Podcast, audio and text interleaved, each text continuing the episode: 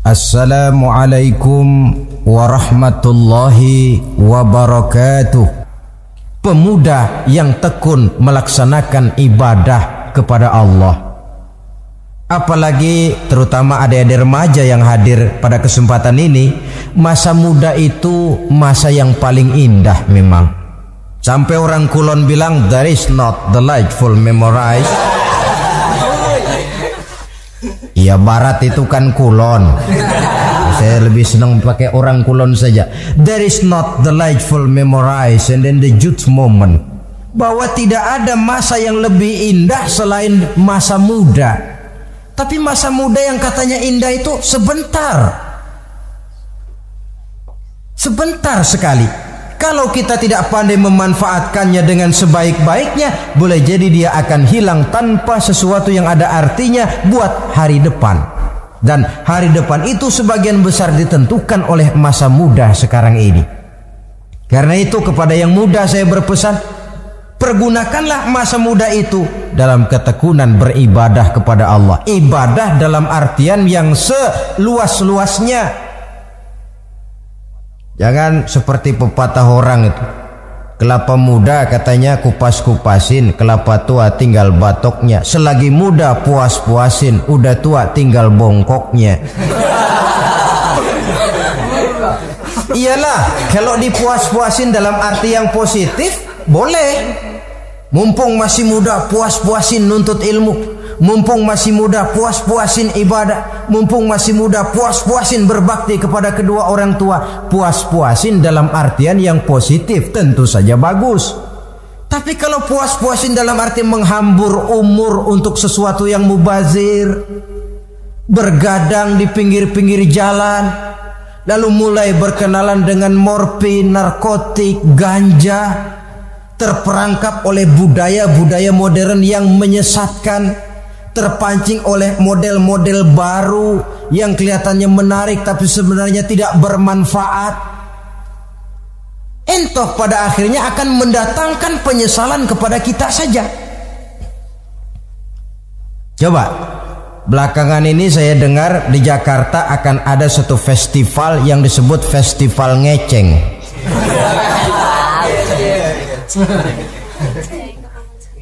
Ngeceng ini kalau bahasa gampangnya nampang. Ah, jadi itu biasanya muda-mudi diri di pinggir-pinggir jalan, pakai kacamata hitam, pakaian warna-warni, rambut dicat sedemikian rupa supaya menarik perhatian. Mereka diri di pinggir-pinggir jalan, nampang istilah ngepopnya ngeceng katanya. Oh ini mau diadakan festival, secara langsung atau tidak festival ini kan mempopulerkan ngeceng jadinya yang tadinya orang awam gak kenal lantaran diangkat ke permukaan jadi terkenal. Kalau sudah terkenal lalu jadi mode. Kalau sudah jadi mode ah latahan. Boleh jadi nanti lahirnya ngeceng masuk desa. Bukan cuma sekedar abri masuk desa bukan cuma sekedar koran masuk desa ngeceng pun bisa saja masuk desa banyak saluran-saluran positif yang sesuai dengan kreativitas jiwa remaja. Ketimbang mengadakan sesuatu yang tidak ada manfaatnya ketimbang menghabiskan umur untuk sesuatu urusan yang mubazir. Sedangkan umur bukan jatah gratis tanpa batas waktu. Ada pertanggungan jawab. Umurmu kau habiskan di mana?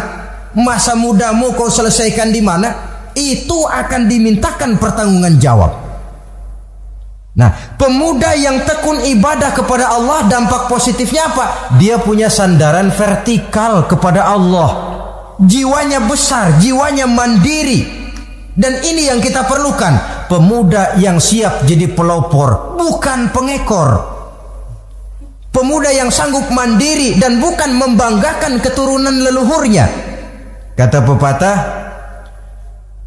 "Wa khairun nasi ذو syarafin qadimin aqama li nafsihi syarafan jadida wa syarrun nasi dzu khumulin idza fakhartahum Generasi yang baik adalah generasi yang punya kejayaan masa lalu dan buat mereka sendiri mereka mampu mendirikan kejayaan yang baru. Artinya nenek moyangnya memang orang-orang terhormat tapi dia mampu mandiri mendirikan kehormatan itu bagi pribadinya. Sebaliknya, generasi yang paling jelek adalah generasi pemalas. Yang kalau orang lain kelihatan lebih hebat, dia sebut-sebut nenek moyangnya. Lo sih belum apa-apa, bapak gua dong, bapak gua katanya. Lu sih belum apa-apa, om saya dong, tante saya dong. Kerjanya cuma membangga-banggakan leluhur, dia sendiri tidak ada apa-apanya. Ini generasi yang paling jelek. Kalau orang kelihatan lebih hebat, dia sebut leluhurnya. Sementara dia sendiri nol nilainya tanpa ditunjang oleh fasilitas leluhurnya. Pasukan pemuda mandiri macam ini yang kita perlu. Bukan sekedar pasukan pemuda oke okay, bos.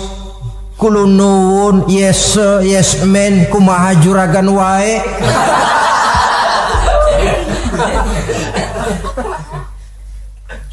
Dan terus terang kita miskin dengan pemuda yang mandiri, yang punya kepribadian, yang berani berkata ya terhadap yang benar dan berani berkata tidak terhadap yang tidak benar. Dari mana ini didapat? Sandaran vertikal dalam bentuk ibadah kepada Allah akan memantapkan jiwa, membersihkan hati sehingga dia akan berfungsi seperti radar.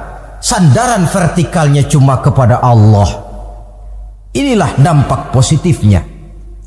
Karena itu, tentu saja kita berharap sekurang-kurangnya pemuda-pemudi yang hadir pada kesempatan ini menjadilah pemuda-pemudi yang tekun beribadah kepada Allah. Amin. Amin. Nah, baiklah ya. Itu tadi yang kedua.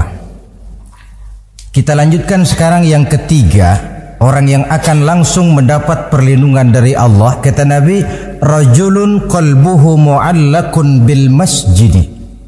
Seseorang yang hatinya selalu terpaut kepada masjid. Apa arti terpaut kepada masjid ini? Apa orang yang nggak pernah keluar-keluar dari masjid? Tentu saja bukan. Apa gunanya di dalam masjid terus kalau kerjanya cuma tidur doang Maksud terpaut kepada masjid ini hatinya selalu berpikir bagaimana memakmurkan masjid. Jasadnya boleh saja ada di kantor, boleh saja ada di pasar, boleh ada di sawah, boleh ada di ladang. Tetapi hasil daripada usahanya dia lalu berpikir bagaimana memakmurkan masjid. Sebab apa? Masjid merupakan center of activity pusat daripada kegiatan umat. Kalau kita lihat fungsi masjid di zaman Rasul, di masjid beliau berdakwah, di masjid beliau mengatur negara, di masjid beliau mengadakan perundingan, di masjid beliau bermusyawarah dengan para sahabat. Pusat daripada kegiatan umat. Dan memakmurkan masjid ini dasarnya tidak lain karena iman kepada Allah. Prinsipnya bagaimana kita menghidupkan masjid dan bukan mencari hidup di masjid. Kalau sudah prinsipnya dibalik bukan menghidupkan masjid tetapi mencari hidup di masjid, saya khawatir masjid akan ambruk.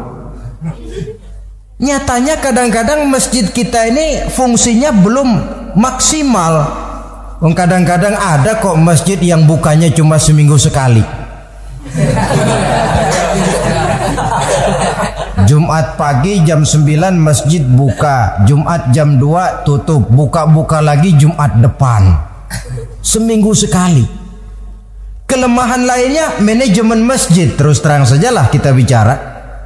Kadang-kadang pengelolaannya ketua masjid bapaknya, khotib mantunya, sekretaris ponakannya, imam Bilal cucunya. Gak agak ada orang lainnya. Ya kalau bagus kepengurusannya tidak apalah. Tapi kadang-kadang kelemahannya ialah bagaimana menciptakan manajemen masjid yang baik sehingga masjid bisa berfungsi sebagaimana fungsinya di zaman Rasulullah sallallahu alaihi wasallam. Apalagi belakangan ini ada kecenderungan yang membuat kita optimis, gembira remaja, pemuda, pemudi mulai gemar datang ke masjid. Berkumpul membentuk remaja masjid, remaja musola, mengadakan kegiatan majelis taklim, yang mingguan, yang bulanan, aksi sosial, yang semuanya bermuara dari kehidupan masjid. Sesuatu yang menggembirakan. Dan sudah sepatutnya para pengelola masjid membuka pintu untuk bisa mengatur masjid menurut manajemen yang diharapkan oleh umat. Karena bagaimanapun di masjid dua jalur komunikasi bahasa kerennya two way traffic communication itu bisa kita laksanakan yaitu hablum minallah wa hablum minan nas berhubungan kepada Allah dan berhubungan kepada sesama manusia bisa terlaksana di masjid. Berhubungan dengan Allah jelas saja lewat sholat misalnya. Berhubungan dengan sesama manusia jelas saja lewat musyawarah, lewat majelis taklim, lewat kegiatan-kegiatan yang mensiarkan agama. Dan begitu selanjutnya.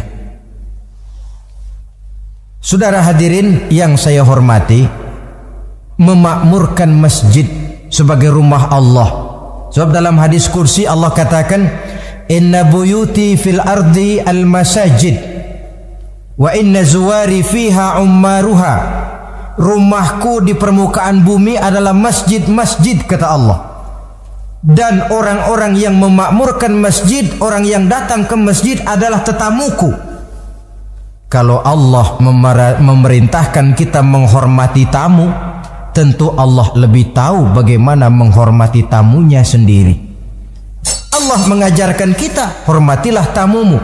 Sekarang kita yang menjadi tamunya Allah dengan datang ke masjid, dengan memakmurkan masjid, Allah lebih tahu menghormati tamunya.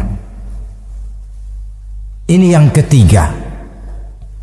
Yang keempat, hadirin, orang yang langsung mendapat perlindungan dari Allah itu rajulani tahabba fillahi ijtama'a alaihi wa tafarraqa alaihi. Dua orang yang menjalin persaudaraan yang bertemu dan berpisah karena Allah bersaudara karena Allah. Bukan karena orang punya pangkat tinggi lalu kita temani bukan karena orang kaya lalu kita dekati tetapi karena Allah Kau di jalan Allah, mari kau saudara saya.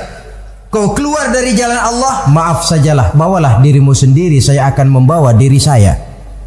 Lebih baik sendiri daripada berteman jahat. Berdua memang lebih baik daripada sendiri, tapi sendiri lebih baik daripada berteman jahat. Maksudnya apa ini? Sederhana dalam benci, sederhana dalam cinta. Ukurannya Allah. Al-Quran mengisyaratkan wa asa an tuhibbu syai'an wa huwa syarrul lakum. Wa asa an takrahu syai'an wa huwa khairul lakum. Sangat boleh jadi kata Allah kamu menyenangi sesuatu padahal akibatnya tidak baik bagi kamu. Dan sangat boleh jadi kamu membenci sesuatu padahal akibatnya baik bagi kamu. Nah mari kita lihat kalau orang bersaudara cuma karena temannya itu punya pangkat tinggi, saya yakin kalau temannya pensiun, persaudaraannya akan selesai sampai di situ. Kalau kita mencari teman cuma karena dia kaya, satu saat dia jatuh bangkrut, jatuh miskin, persaudaraan akan selesai sampai di situ. Tapi kalau karena Allah yang bisa memisahkan kita apabila orang sudah keluar dari jalur yang diridhoi oleh Allah Subhanahu wa taala. Oleh karena itu kepada semua hadirin mari menjalin persaudaraan dalam bentuk ideal yang diajarkan oleh Islam, nilai persaudaraan yang diikat oleh akidah. Kalaupun harus benci, bencilah sederhana, tidak habis-habisan ngebenci orang. Kalaupun harus cinta, cintalah sederhana. Boleh jadi yang hari ini kita benci bukan main, besok kita senangi. Mungkin yang hari ini kita cintai mati-matian besok sudah berubah menjadi yang kita benci. Sederhana saja, tidak usah berlebih-lebihan. Kalau nilai persaudaraan yang diajarkan ini bisa kita wujudkan, persaudaraan yang diikat dengan nilai akidah, maka dari persaudaraan semacam itu, insya Allah kita bisa berbuat banyak untuk kepentingan diri, keluarga, masyarakat kita pada umumnya. Ini kelompok yang keempat. Orang kelima yang nanti langsung mendapat perlindungan Allah Rajulun Da'athum ra'atun zatu mansibin wa jamalin ila nafsiha Faqala inni akhafullaha rabbal alamin Seorang laki-laki kata Nabi Yang dipanggil oleh perempuan cantik Laki-laki normal dipanggil oleh perempuan cantik untuk apa? Diajak melakukan perbuatan yang negatif. Tidak ada orang yang tahu. Tempatnya sepi. Apa yang terjadi? Orang ini berkata, "Inni akhafullaha rabbal alamin." Maaf saja, saya takut kepada Allah. Orang yang bermoral nanti di akhirat langsung dilindungi oleh Allah, tidak mudah jatuh oleh bujuk rayu tidak mudah terpesona oleh wajah-wajah yang menggiurkan. Seperti dalam sejarah yang terkenal itu Nabi Yusuf alaihi salam. Kenal kan Nabi Yusuf? Nabi Yusuf itu bekerja di istana Kitfir. Kitfir ini punya istri namanya Zulaikha. Orangnya cantik, Diam-diam Zulekha ini rupanya naksir sama Yusuf. Satu hari suaminya tidak ada di rumah, pintu dikunci-kunciin. Setelah pintu semua terkunci, dia panggil Nabi Yusuf, "Hai talak, Yusuf, sini." Kata Yusuf, "Mau ngapain?" "Pokoknya sini." "Iya, mau ngapain?" "Iya, kayak orang-orang ngapain sih?"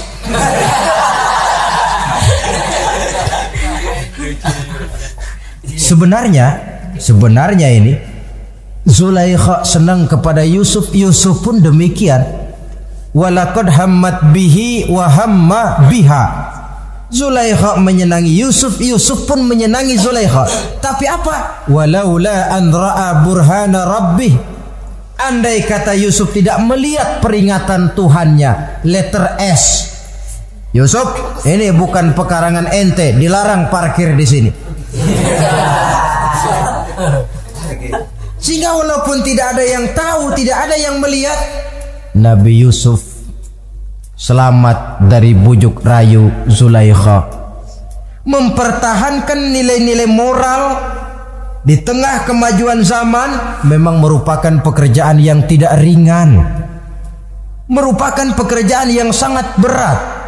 Akan ada saja cobaan, akan ada saja gangguan yang kita temui di sepanjang perjalanan hidup ini.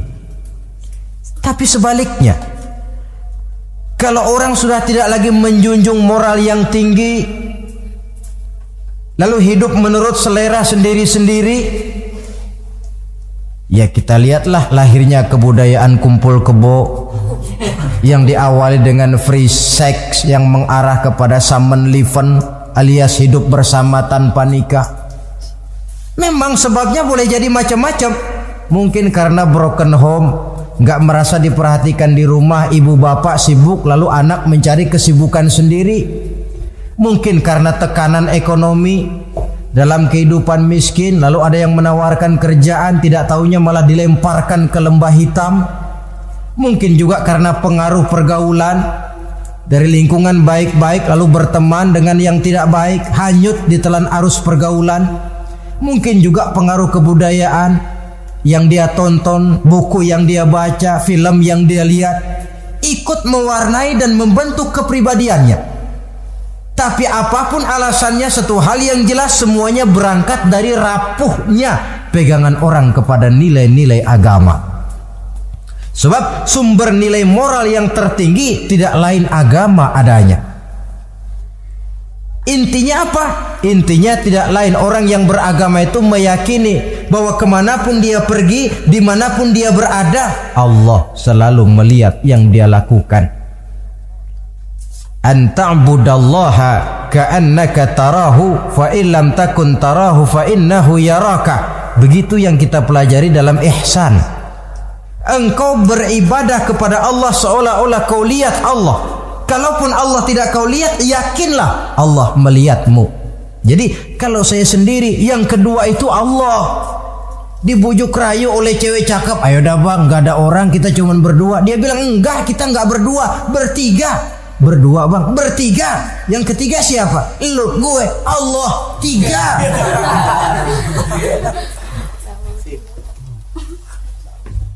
Di kantor mau korupsi dia kasak kusuk gerasak berusuk cari apa yang seharusnya menjadi hak orang lain. Tidak ada yang lihat, tapi dia tidak sendiri. Saya berdua. Yang kedua, Allah merasakan kehadiran Allah dekat dalam hidup. Nilai moral semacam ini menyelamatkan masyarakat. Pantas kalau orang semacam ini di akhirat nanti langsung mendapat perlindungan dari Allah Subhanahu wa taala. Karena itu terutama adik-adik remaja yang hadir Sebenarnya yang paling mahal dalam hidupmu adalah harga dirimu. Kalau itu sudah terjual dan tergadai apalagi yang bisa kau banggakan dalam hidup ini?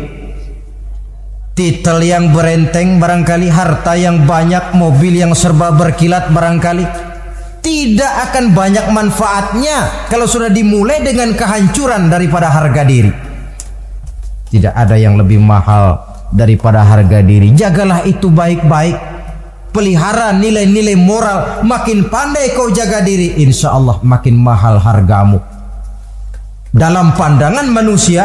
Lebih-lebih juga dalam pandangan Allah.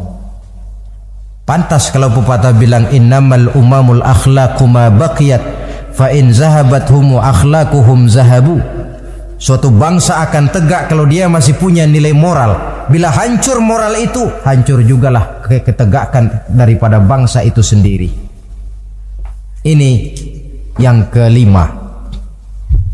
Yang keenam, masih dua lagi.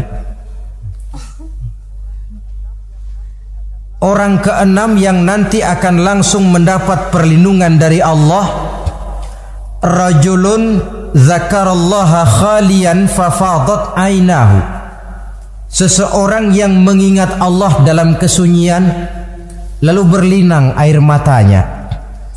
Tengah malam dia bangun, bertahajud dia kepada Allah. Gemersik tikar tersentuh tangan laksana lambayan tangan malaikat maut nak datang merenggut nyawa. Terbayang segala dosa dan kesalahan tergambar semua kekeliruan yang dilakukan dalam hidup lalu air mata pun tanpa terasa berurai membasahi pipi Orang yang mengingat Allah dalam kesunyian. Saudara, tidak ada orangnya itu yang tidak punya dosa. Coba saya mau tanya, yang kumpul di sini ada nggak orangnya yang nggak punya dosa? Tidak ada. Dan memang orang yang baik itu bukan orang yang tidak punya dosa, sebab tidak ada orang yang tidak punya dosa. Orang yang baik adalah orang yang apabila dia melakukan dosa, dia segera sadar, dijadikannya itu sebagai pelajaran untuk tidak diulanginya lagi pada masa yang akan datang. Dengan kata lain, mengingat Allah dalam kesunyian itu artinya bertaubat. Ini kan anak muda sekarang nih kalau diajak bicara taubat, ah taubat mah urusan 70 ke atas pak. Kita ini masih lama. Padahal masalah taubat bukan masalah tua. Masalah taubat adalah masalah dosa dan masalah dosa adalah masalah manusia sejak dia akil balik sampai dengan kehidupannya yang sekarang. Sengaja atau tidak, besar atau kecil, ringan atau berat, tiap kita mesti mempunyai yang namanya dosa. Allah Maha Penerima Taubat sepanjang nafas belum sampai di kerongkongan. Jikalau nafas sudah sampai di tenggorokan baru kita mau melaksanakan yang namanya taubat, kasihlah itu.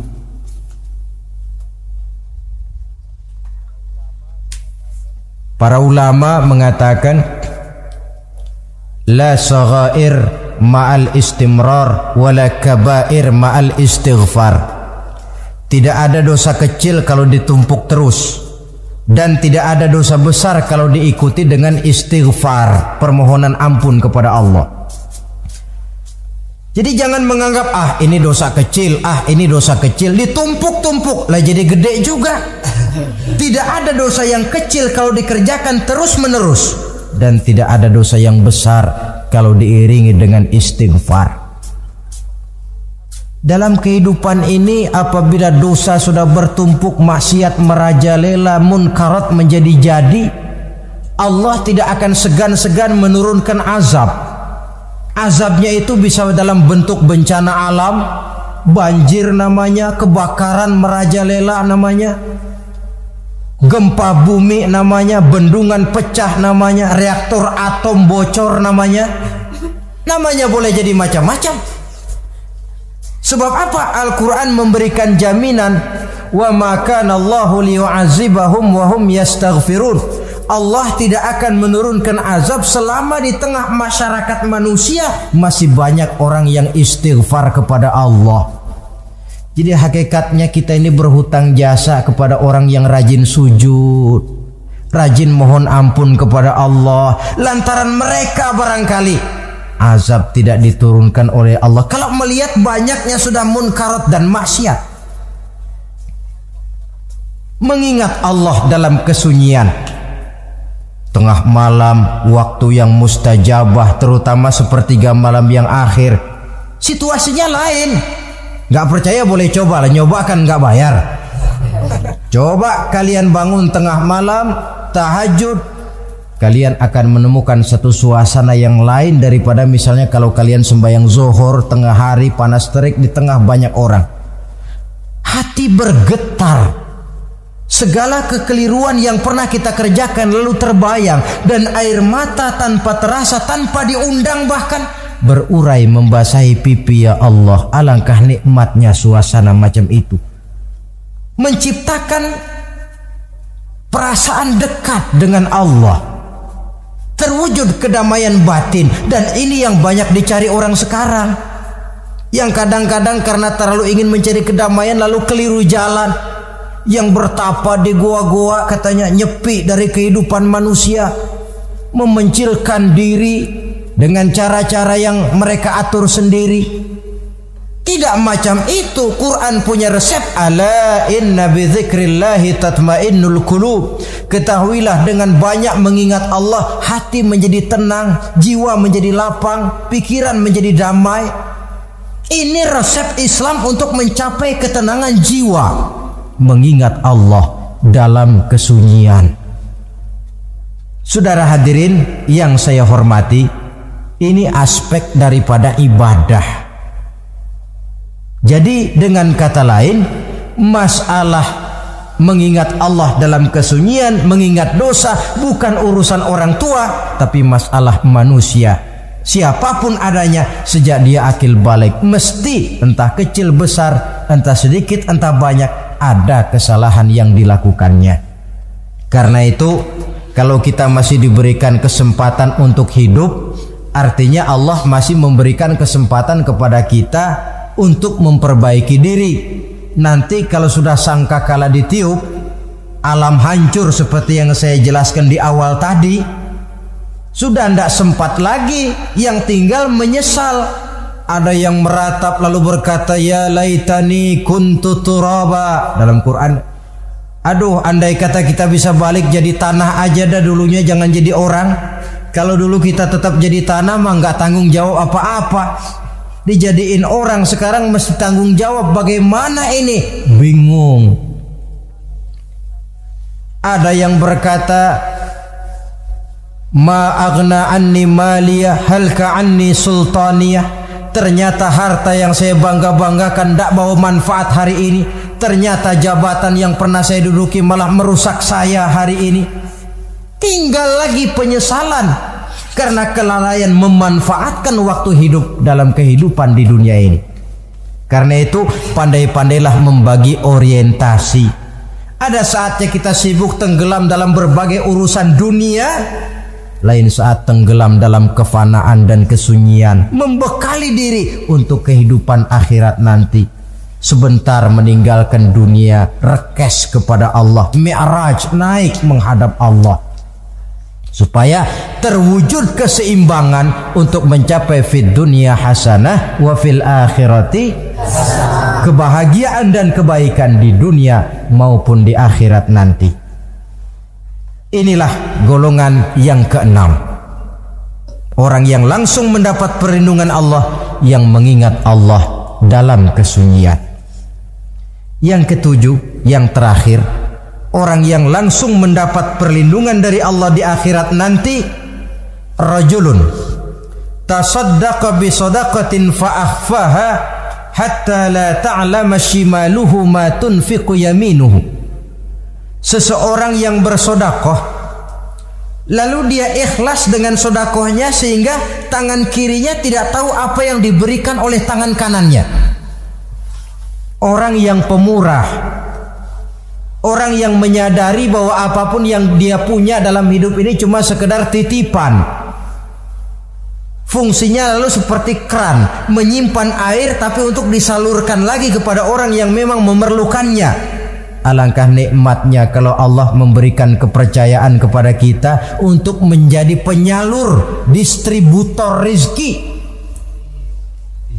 Kalau kita ingat kemari, berpikir ke sini, kita tidak akan sayang lagi. Enak saja yang peras keringat banting tulang cari rezeki saya sampean datang-datang mau minta.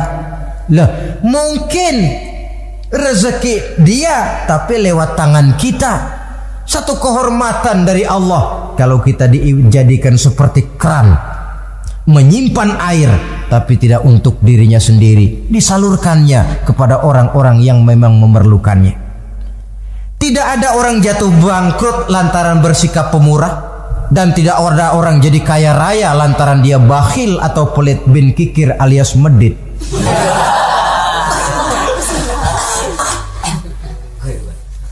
Dalam kitab Riyadus Solihin kita baca tiap pagi ke alam ini turun dua malaikat. Cuma kita nggak tahu. Dua-duanya berdoa. Yang sebelah kanan berdoa, yang sebelah kiri berdoa. Kata yang sebelah kanan doanya tiap pagi ini. Kata malaikat yang satu dia berdoa Allahumma a'ti munfiqan khalafa. Ya Allah kepada orang-orang yang suka infak kepada orang-orang yang suka memberi, kepada orang-orang yang pemurah, gantilah mereka dengan yang lebih baik dari apa yang telah mereka berikan. Lalu malaikat yang satu berdoa, Allahumma a'ti mumsikan talafa. Ya Allah kepada orang-orang yang mumsik, bakhil, kikir, berilah mereka kerusakan dan kebinasaan di dalam harta mereka. Maka lihat sajalah Orang kaya tapi pelit ada saja jalan yang kira-kira duitnya bakalan jadi keluar dan gak ada pahalanya. Apa kena musibah lalu berobat sekian juta, apa kemalingan, apa ditipu orang, ada saja cara duitnya keluar yang gak ada pahalanya. Inilah prinsipnya Allah mencintai orang pemurah. Dalam hadis kursi Uhibbu ahlas sakha wa hubbi lil faqiri syakhi asyad. Aku cinta kepada orang yang pemurah, tapi aku lebih cinta kepada orang miskin yang pemurah. Orang kaya pemurah Allah cinta, orang miskin pemurah Allah lebih cinta. Kenapa? Nilainya lain. Orang kaya sedekah 500, orang miskin sedekah 500, sama 500-nya, tapi saya yakin pahalanya lebih besar buat si miskin. Kenapa? Buat orang kaya 500 apa artinya? Sekelebatan. Buat si miskin 500 dia mesti peras keringat banting tulang. Tapi dia berani memberi seperti beraninya orang kaya. Nilai ini yang dilihat oleh Allah.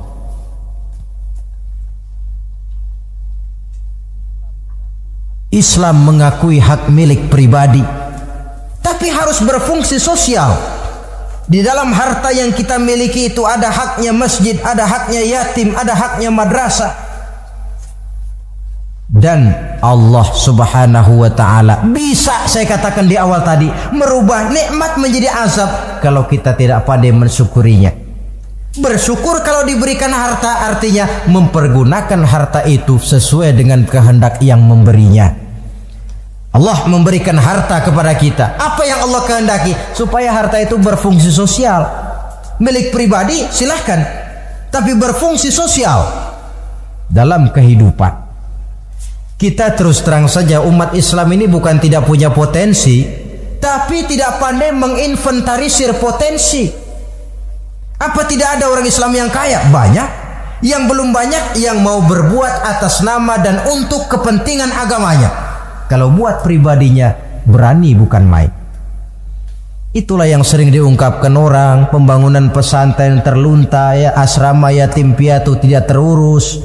Ada orang membangun masjid, meletakkan batu pertama sekaligus jadi batu terakhir. Setelah itu la yamutu wa la yahya. Mau dibilang hidup tidak kelihatan geraknya Mau dibilang mati pun tidak ketahuan kuburannya. Kurangnya kesadaran akan arti amanah dan titipan dari Allah. Lahirlah korun-korun abad 20 Kalian tahu sejarah korun? Saking kayaknya korun Kunci gudang hartanya itu saja ontak yang bawa itu baru kunci itu. Ontak yang bawa. Ketika orang tanya anna laka hadza ya korun, hartamu begini banyak dari mana kau dapat korun? Ya saya usaha, tidak ada hubungannya sama Tuhan katanya. Apa yang terjadi? Lantaran kekurang ajarannya melupakan nikmat korun dan seluruh harta bendanya ditenggelamkan Allah oleh gempa bumi. Makanya orang sekarang kalau dia macul ketemu harta apa katanya? Gue dapat harta karun. Peninggalan si korun itu barangkali dahulunya. Saudara-saudara, oleh karena itu, kalau kita oleh Allah diberikan amanah berupa harta, pandailah bersyukur dan jadilah orang yang ikhlas dalam bersodakoh. Nah, inilah pertemuan kita pada kali ini walaupun singkat mudah-mudahan sekali lagi kita termasuk salah satu di antara tujuh golongan yang di akhirat nanti langsung mendapat perlindungan dari Allah Terima kasih banyak atas segala perhatian. Mohon maaf atas segala kekurangan. Usikum wa nafsi bitaqwallah. Wassalamualaikum warahmatullahi wabarakatuh. Waalaikumsalam.